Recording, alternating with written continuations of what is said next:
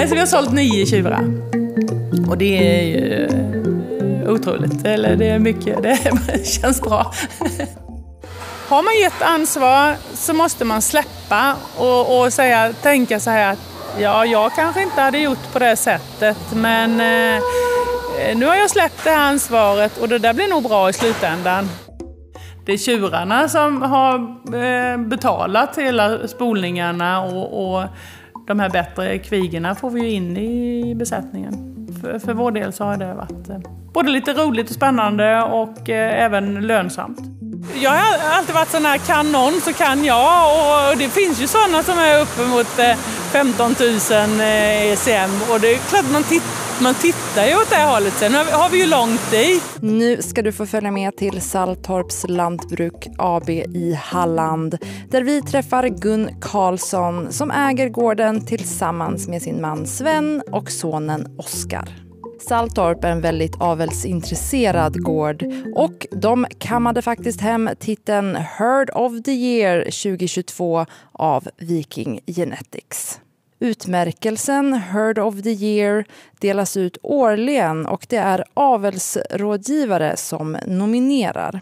Kriterierna för att vinna utmärkelsen är att vara innovativ i sitt avelsarbete Exempel kan vara att arbeta aktivt med genomiska analyser, genomföra spolningar och eller inläggningar av embryon. Besättningen ska också bidra till utvecklingen av de nordiska avelsprogrammen. Ja, men det, det känns ju det är roligt att eh att eh, det uppmärksammas det vi gör. Det är lite, förvånande, jag vet inte det. Men, men, eh, ja, nej, men det känns hedrande att eh, vi har fått det. Så att, och det här är ju sånt där, en sån utmärkelse där det är avelsrådgivarna som nominerar sina gårdar och här är det ju då Kjell som ni har. Visste ni att han hade nominerat er? Nej, det visste vi inte. nej, det hade vi ingen aning om. Så att, nej, det blev en överraskning när vi fick reda på detta. Eh, hur har ni firat? Ja, men vi har firat. Vi har... Eh, men det är lite så här att vi, vi eh, passar på, ofta passar på och vi tycker om och, och vi bjuder på lunch och vi eh, har grillkvällar och vi har gåsmiddag och lite sådana saker som eh, vi firar tillsammans med personalen. Så att eh, det är på det sättet med mat och tårta och grillat. Innan vi dyker ner i gårdens produktion och såklart avelsarbetet så ska Gun få presentera Saltorp. Jag är på, i Saltorps lantbruk eh, utanför Vesikerbro mellan Falkenberg och Ullared. Och eh, det är jag, Gun och min man Sven och vår son Oskar som driver företaget idag. Det är Sven eh, som eh, är uppvuxen där hans föräldragård så det var han, hans föräldrar och bror som drev företaget tidigare. Men nu är det vi, så vi ligger eh, i början på ett generationsskifte där Oskar är på väg in i företaget och Sven och jag försöker smyga ut lite sakta. Så vi är väldigt uppdelade på våra ansvarsområden så att jag eh, har huvudansvaret för djuren. Sven har huvudansvaret för växtodlingen och eh, maskinerna, allt tekniskt. Och Oskar har huvudansvaret för ekonomin och fodret, som det ser ut idag. Eh, vi är totalt eh, nio som syns här, förutom våra två sommarjobbare. Men vi är sju som jobbar mer eller mindre heltid på, på gården. Så det är vi tre och sen fyra anställda. Plus att det är ett par då som, som har en del timmar. Vi odlar 300 hektar ungefär. Eh, och eh, det är vall och majs, bönor, vete, korn, raps. Och i år, så, även lite förra året, så har vi ett litet försök med lupiner. Och vi har eh, lite knappt 600 djur eh, idag och då är det 255 kanske mjölkkor och eh, rekrytering på det. Men sen har vi ändå börjat att kastrera tjurar så vi har, eh, kommer ha en del slaktdjur. Dels var det lite planerat men också på grund av att det var svårt att sälja tjurar här under en period så började vi kastrera själva. Och så köpte vi till en gård och där är det en oanvänd laggård som vi håller på och eh, renovera för att kunna ha slaktdjur. Ja, för det är, ni är egentligen tre gårdar inom eh, Saltorp eh, lantbruk. Ja, det är det. Det började med Lilla Saltorp som Svens föräldrar tillsammans med moster och morbror köpte 65. Och eh, sen så hade de en arrendegård som eh, Stora Saltorp som köptes in. Nu hade vi en annan arrendegård nu som vi köpte förra året, eh, Ettarp. Så att Sen har vi lite, lite arrende ut, vi äger inte all mark. Men, så det är tre gårdar. Eh, och vi sitter nu här i lunchrummet som eh, typ är som en sån här eh, visningssal som man kan se på andra ställen. Och jag ser att det är ganska mycket Holstein och ett par SRB i alla fall i besättningen. Ja, vi har, ungefär, för tillfället är det ungefär en femtedel eh, SRB, men det kommer att bli fler framöver på grund av att vi har spolat mycket röda djur. Som, eh, så att eh, andelen kommer att öka lite framöver. Vi har några korsningar här, men de är på väg ut och så blir det mer renrasigt framöver.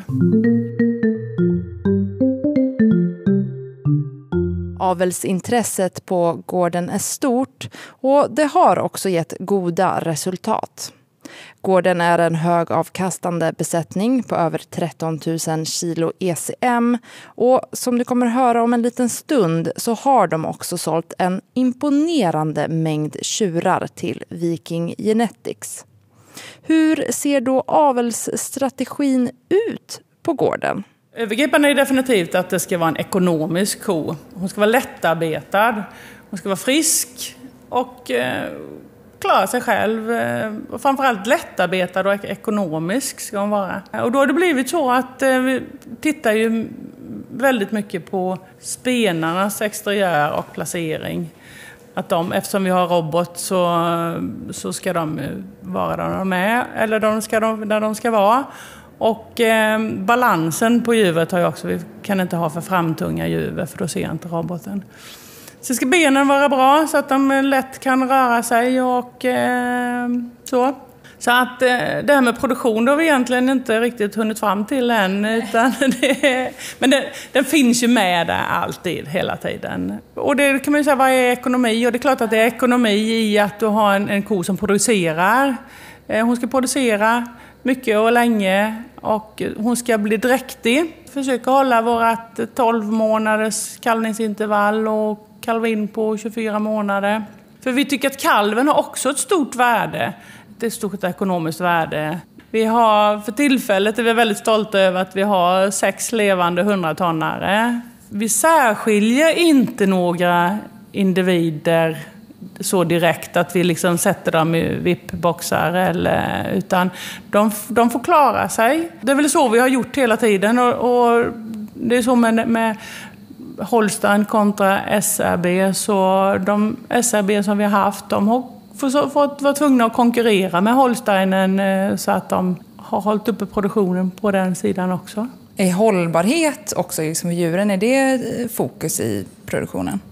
Jo men det, det, är det ju och där har, är det ju liksom det här att du ska eh, få till den här exteriören och så, så att det blir ett hållbart. Eh, och sen är det också så här definitivt att vi har jätteduktigt folk som sköter dem som verkligen tar hand om varje kalv från den föds och, och fram tills eh, ja, tills den går på slaktbilen egentligen. Att vi försöker hela tiden sköta om alla så gott det bara går. Du står precis jämte den kon i ladugården som mjölkar allra mest. Som har mjölkat allra mest. Hon kom här nu och tycker att ska ni inte ha med mig i det här reportaget? Så. Vad kan vi säga om henne då när hon ändå kom och visade upp sig så fint? ja, ja eh, det ska faktiskt bli en eh, hon ska hamna med i tidningen Husdjur som ko vi minns. Våran 5706 Miriam, hon tyckte att hon skulle vara med på er podd också. Ja. Men mjölkat mest i hela ladugården, hur mycket betyder det då? Nej men hon har mjölkat eh, 117 000 kilo SCM i sitt liv. Eh, och hon har varit eh, fantastisk på att eh, mjölka mycket. Sen eh, eh, har hon tyvärr fått eh, två kolimastiter här så att eh, hon försvarar sin plats och så länge hon gör det så får hon vara med. Och som du ser, hon är glad och pigg. Ja, ny nyfiken. ja, absolut. absolut. Så hon är rolig att ha i ladugården. Ja. Saltorp blev alltså Heard of the Year 2022 och det är en gård som länge varit i framkant när det kommer till avelsarbete. Det har inte funnits egen tjur på gården sedan 1979 och de var faktiskt en av de första gårdarna i Sverige som gjorde en embryospolning. Den gjordes redan på 80-talet, även om det kanske var lite väl tidigt. Gun säger att det är Svens föräldrar som har lagt grunden till avelsarbetet. Det är ju eh, Svens föräldrar, Ingrid och Kjell, som eh, började. Eh, de tyckte det var väldigt roligt att åka på avelsresor, koresor. Och då var det ju likasinnade som var väldigt avelsintresserade. Som, eh, och då fick de mycket influenser av avel från hela världen nästan kan man säga då var det också då på den tiden, så det fanns ju sådana här elitaktioner och så åkte de på auktioner och så köpte de djur där. Och bland annat köpte de en kviga då, en 303 hette hon och, och, och, och hon var ju fin. Jag tror hon spolades två gånger och de tyckte det var besvärligt. Och det blev inget embryo. Och, och den här kvigan hade jättesvårt att få ta sig sen. Så det var, det var tidigt, men det var också kanske lite för tidigt. För det blev inget, eh, inget jättebra resultat av det. Det, det. det är de som har lagt grunden till, till den besättningen som finns här idag. Sen eh, har jag haft eh, avelsansvaret här i ungefär 20 år. Eh, och med Kjell, som, Kjell Johansson som har varit avelsrådgivare här i kanske ungefär 17 år eller någonting sånt. Så vi har ju jobbat tillsammans så. Jag har fått mitt avelsintresse. Då råkade jag bli hunduppfödare i en ras med ett belgisk vallhund och där, där hade de en fantastisk uppfödarutbildning som jag gick någonstans där, början på 90-talet. Då fick jag riktigt lära mig det här med genetiken och det var en riktigt bra utbildning och tyckte det här var jätteintressant. Det hade jag tyckt när jag gick Alnarp också, men ehm, det var en sån eh, kick. Det var mycket intriger om aveln och genetiken för att det är fyra varianter på belgisk vallhund som skiljs åt med färg och hårlag. Och det var mycket eh, intriger om kunde det verkligen vara en valp efter dem, de och de föräldrarna. Och då gjorde det att jag fördjupade mig ytterligare i genetiken och tycker det är jätteroligt. Så råkade jag sälja en valp sen för 16 år sedan till en genforskare och det har ju gjort att jag, ja, vi bollar lite genetik eh, fram och tillbaks. När så började du tänka att ja, men det, korna, de är nog spännande också? Det som är så himla roligt med att avla på korna, det är ju att man får ju se sitt eget avelsresultat och du är inte beroende av att du ska ha sålt eh, till rätt person utan du, du, ser, du ser själv eh, det som du har fått fram. här kommer min man och uh, det är Sven och Oskar här. Hej Sara. Oskar. Det är ju termiren. Du kan inte säga dra på lite belgisk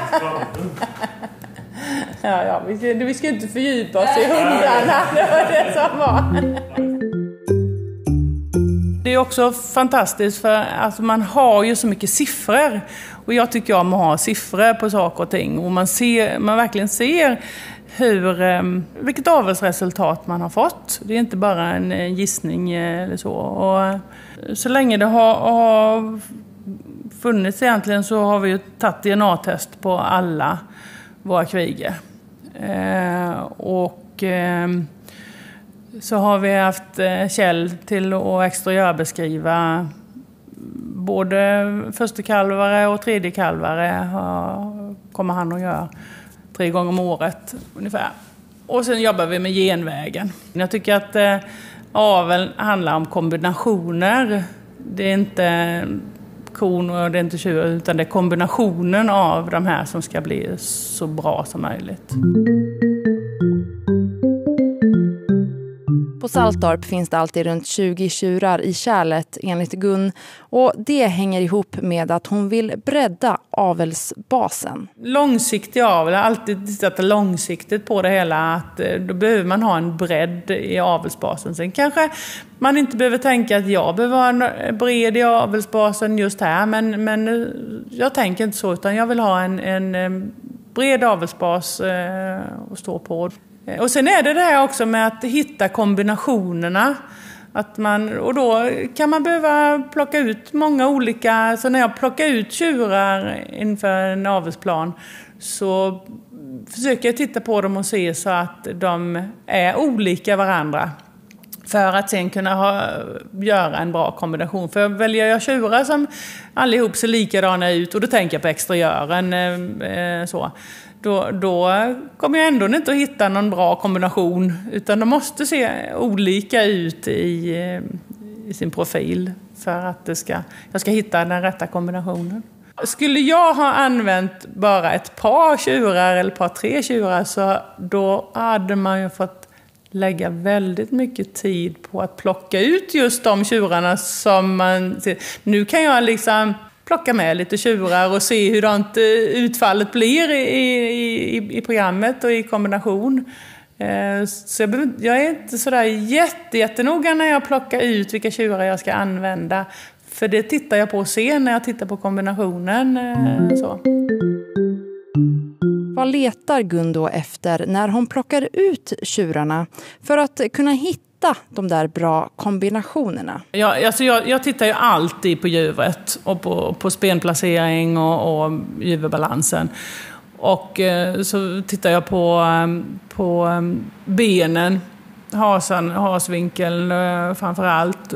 Och eh, kos, kos, kosset så att eh, de får lätta kalvningar. Och, det, och det, det siktar hela tiden på att du ska ha en lättarbetad eh, ko. Man eh, pratar om eh, exteriör för produktion. Mm. Att, att korna ska ha en viss exteriör för att producera mycket mjölk. Och eh, dit har jag inte riktigt kommit än, utan, jag, nej, utan det har blivit de här eh, exteriöra bitarna som gör att du får en, eh, en pigg eh, och frisk ko.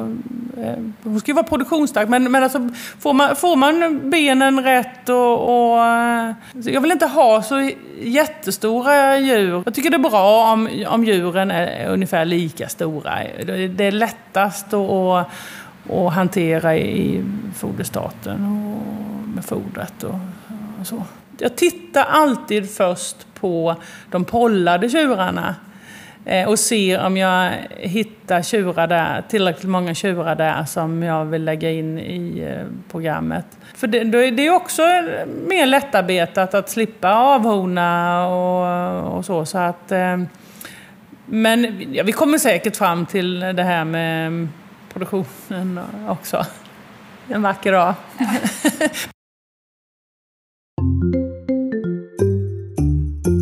avelsarbetet finns det två väldigt viktiga hjälpmedel.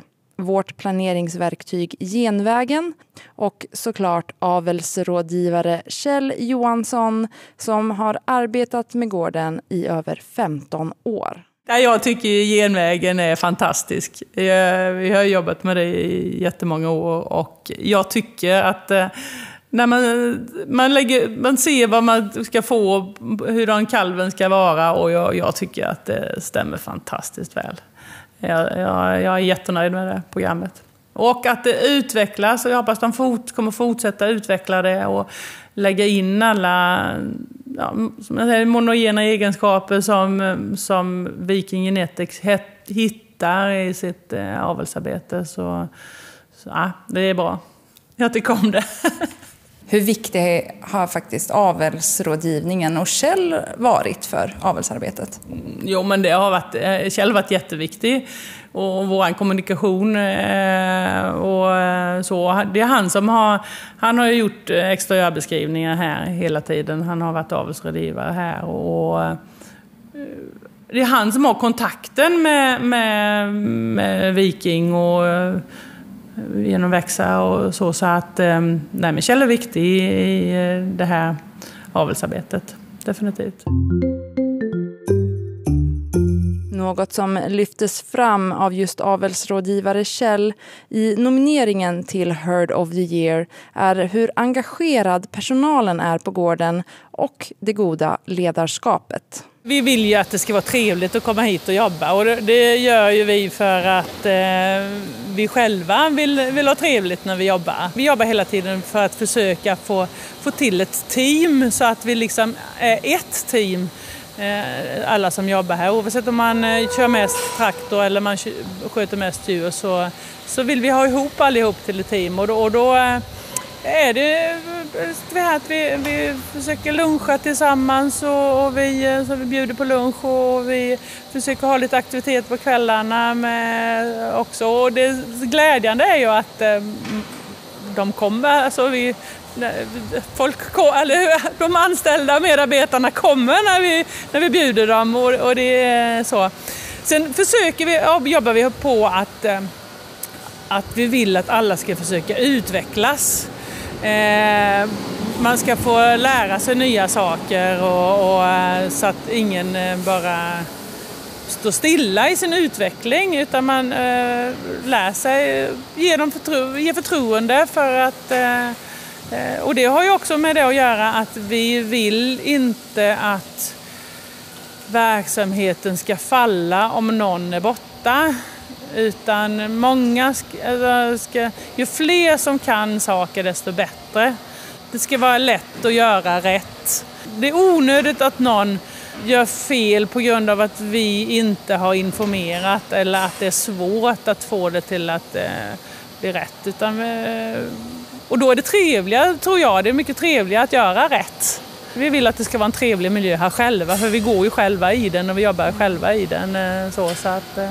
Kan jag tolka det som att det är också att då, ni som driver gården, att liksom lämna ifrån er också en, vissa liksom ansvarsdelar och liksom ge förtroende åt personalen att de klarar av det? Ja, ja.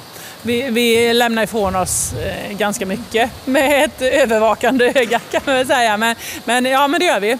Eh, och, och eh, vi, har ju våra ansvarsområden men de anställda har också sina ansvarsområden. Som eh, Matilda som vi såg här nu, hon är klövvårdsansvarig förutom när klövvårdaren kommer hit. Så, och vi har Patricia som jobbar, hon har varit fertilitetsansvarig och vi har kalvansvarig. Så vi liksom man har olika ansvarsområden som man får ta ansvar för. Och då, får man släppa. Det är en svår sak. Det är jättesvårt. Det blir det svåraste man har så är det att har man gett ansvar så måste man släppa och, och säga, tänka så här att ja, jag kanske inte hade gjort på det sättet men eh, nu har jag släppt det här ansvaret och det där blir nog bra i slutändan. Fast jag kanske inte hade gjort så, men, men, eh, och det brukar bli bra i slutändan. Ja, det är jättesvårt. Jag, jag har ju ett stort eh, kontrollbehov själv. Och, eh, nej, men, men, men, eh, men jag tror att för, man, kan inte, man kan inte ge, säga att du får det här ansvaret och sen vara inne och peta i det. Man har en överblick, övergripande. Man måste ha tillit till eh, personalen. Eh, och då tror jag att de växer och eh, tycker det är roligt.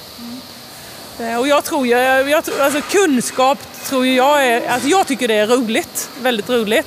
Och, och jag tycker de flesta, alltså när man lär sig nya saker och man känner att man utvecklas så är det roligt att jobba också. Och jag hörde någon annan gång från andra lantbrukare att så här, det är så roligt med avel för att man, så här, försöker, man är på jakten på typ den perfekta kon. Har ni hittat den perfekta kon här? Det har vi inte gjort. Vi jobbar väl kanske mer med att försöka lyfta hela besättningen. än, än, eh, än att hitta den här spetsen, eh, tänker jag. Jag tror att den dagen som man hittar den perfekta kon så tror jag jag tycker det är tråkigt. För att man vill hela tiden kunna utvecklas och det, det, det, det tycker jag Det är frågan om den perfekta kon existerar, jag tror inte det. Nej, och det svåra är att eh, när man hittar det där som är perfekt, hur gör man då?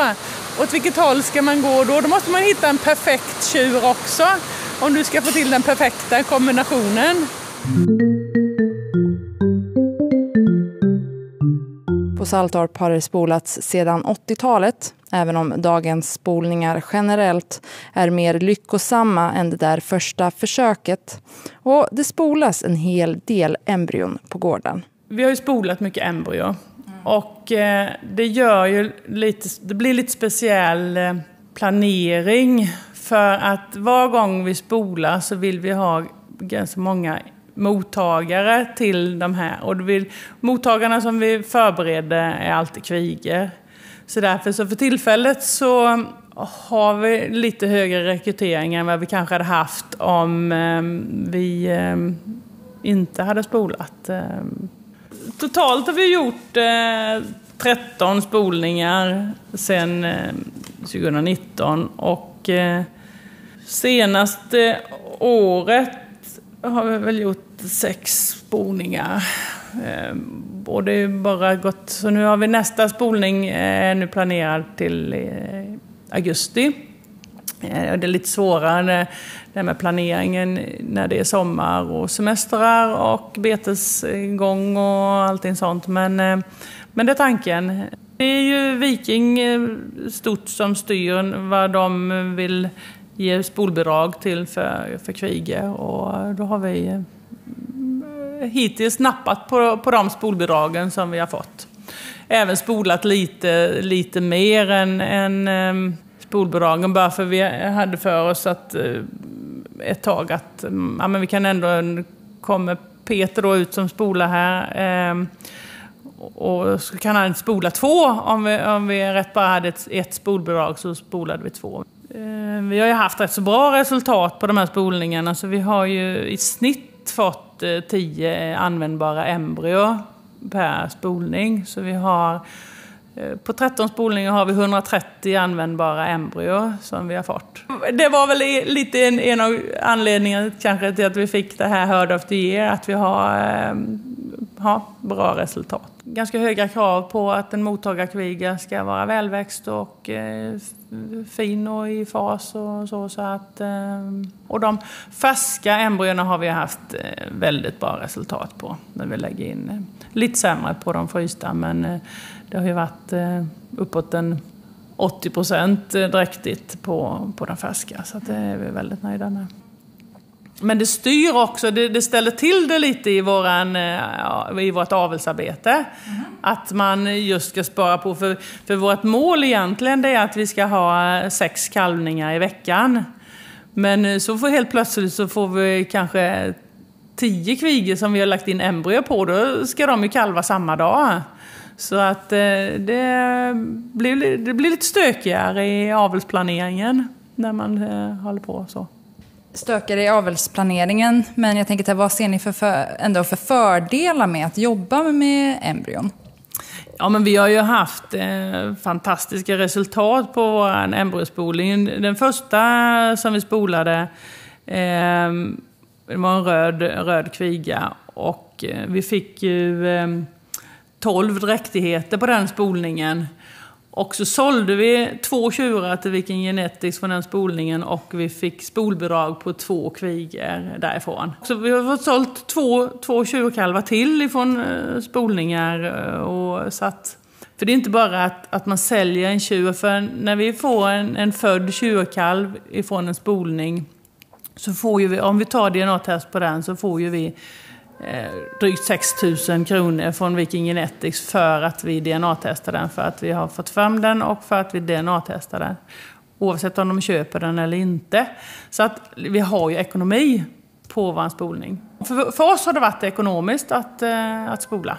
Och sen så eh, har ju, har, får vi ju då de här kvigorna, de får vi på något vis bara gratis in i besättningen eftersom det är tjurarna som har eh, betalat hela spolningarna och, och de här bättre kvigorna får vi ju in i besättningen. För, för vår del så har det varit eh, både lite roligt och spännande och eh, även lönsamt. Känns det också som att det liksom snabbar på avelsframstegen? Ja, det snabbar på det. snabbar på det jättemycket, utvecklingen mm. i besättningen. Det gör det. Gården har också, dels tack vare sitt arbete med embryon, lyckats sälja åtta tjurar till Viking Genetics. Ja, det, eller nio. Eller nio tror jag. Det, det, det, är frågan om den där första, om den kanske räknas med att det var Svensk Avel som köpte den. Ja. Jag tycker att den räknas. ja, precis. Nej, så vi har sålt nio tjurar. Och det är ju eh, otroligt. Eller det är mycket, det känns bra. De fem senaste har ju varit eh, på grund av vår embryospolning.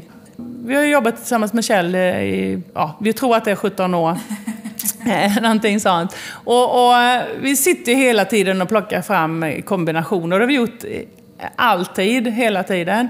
Eh, bästa kombinationen. Vi, det, är inte, alltså det är inte högsta NTM. Ja, vi, vi siktar på NTM. Eh, vi tar ju den den som vi tycker ser bäst ut med högst NTM. Som, eh, men jag, kanske lite, där vi använder kanske lite annorlunda tjurar och då när, när Viking sen sitter och ska plocka ut sina tjur så vill de ju ha en bredd på sin, sin avelsbas. Jag vet inte om det är därför. Eller, men sen tror jag också att den här grunden som lades tidigt med bredd i... Eh, försöker hela tiden ha en bredd i, i aveln. Vi använder mycket tjurar och vi har en stor bredd i kofamiljerna och så för att hitta rätt. Vi sålde fem embryon senast vi spolade. Eh, men sen eh, helst vill jag använda embryona själv och få dem i besättning. För jag tycker att eh, jag tror att eh, vi har bättre ekonomi i att behålla dem själva och lyfta vår besättning än att sälja embryona. Men eh, vi får se lite vad som blir framöver, om nu, hur pass det blir med spolningar och så. För att eh, man, tidigare så var det så här att när jag valde mottagare så tyckte jag att eh, en kviga som hade 20 eller högre i NTM eh, vill jag inte lägga in ett embryo på. Nu är vi väl kanske uppe på 24 i, i NTM som inte får ett embryo då. Och det är klart att blir, blir kvigerna bättre och bättre så har jag väl svårt kanske för att vilja lägga in ett embryo på en, en riktigt bra kviga. Mm. Och då blir det ju automatiskt att fortsätter vi att spola så så blir det nog att vi kommer att sälja embryo framöver. Innan vi lämnar Saltorp för den här gången ska vi höra vad gården har för mål som de jobbar mot just nu. Ja, och vi kan väl säga att det finns högt ställda mål. Vi försöker få upp eh, halterna. Vi vill, vill ha eh, upp eh, produktionen med högre halter. Och, och så eller jag, jag, ska inte säga att vi jobbar mot att de ska vara pollade, men, men eh, hittar vi en bra kombination och tjuren är pollad så tar vi den i första hand för att det ska bli lätt, mer lättarbetat, eh, mer lättarbetade djur. Du, vad säger det att om ni undrar vad det är som låter så är det alltså ett ösregn eh, som kommer ner på stalltaket. Det har varit så lite eh, ostadigt väder eh, kan vi eh, säga. Har ni något produktionsmål då som ni jobbar mot just nu? Men vi, det, jag har alltid varit sån här, kan någon så kan jag. Och det finns ju sådana som är uppemot 15 eh, 000 ECM. Eh, och det är klart man, titt, man tittar ju åt det hållet. Sen har vi ju långt dit, men, men Eh, så, så länge det, det, finns möjlighet att utvecklas så vill vi utvecklas. Eh, så. Det var en som sa till mig en gång och frågade hur mycket mjölkar er bästa ko? Hon mjölkar 18 000. Ja, varför gör inte alla det då? och det, kan ju vara ett mål att ja, man, vi försöker lyfta hela besättningen eh, hela tiden. Mm. Det, det, är så vi försöker jobba. Det är ju en hög avkastande besättning det här. Ni har nu över 13 000 eh, kilo ECM. Men det här 15 000 målet då, hur lång tid tror du är dit? Det ligger ganska långt bort. Vi har, som sagt, vi har 13,5 nu i produktion. Eh, och eh, det ligger långt bort. Det ligger, men men, men eh, får vi till foderstaten eh, avelsmässigt så, så tror jag att eh, ja, får vi väck de sämsta och bara behålla de bästa så, så, så funkar det ju.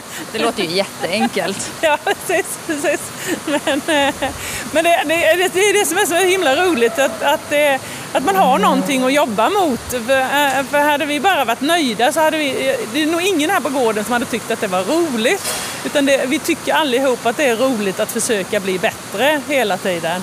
Eh, och att man kämpar, kämpar och det, det, gör vi allihop tillsammans här. Att vi liksom alla har det här målet att vi ska bli bättre, vi ska ha friskare djur och vi ska, de ska producera mer. Eh, det, det är något vi, vi tittar på allihop. Det säger Gun Karlsson som äger och driver Saltorps Lantbruk AB tillsammans med sin man Sven och sonen Oskar Karlsson. Ja, och vi får väl höra när de når de där 15 000 kilo ECM. Tack för att du lyssnade på Kopodden. Alla avsnitt hittar du på kopodden.se och där poddar finns. Jag heter Sara Lindros. Jag hoppas vi hörs igen.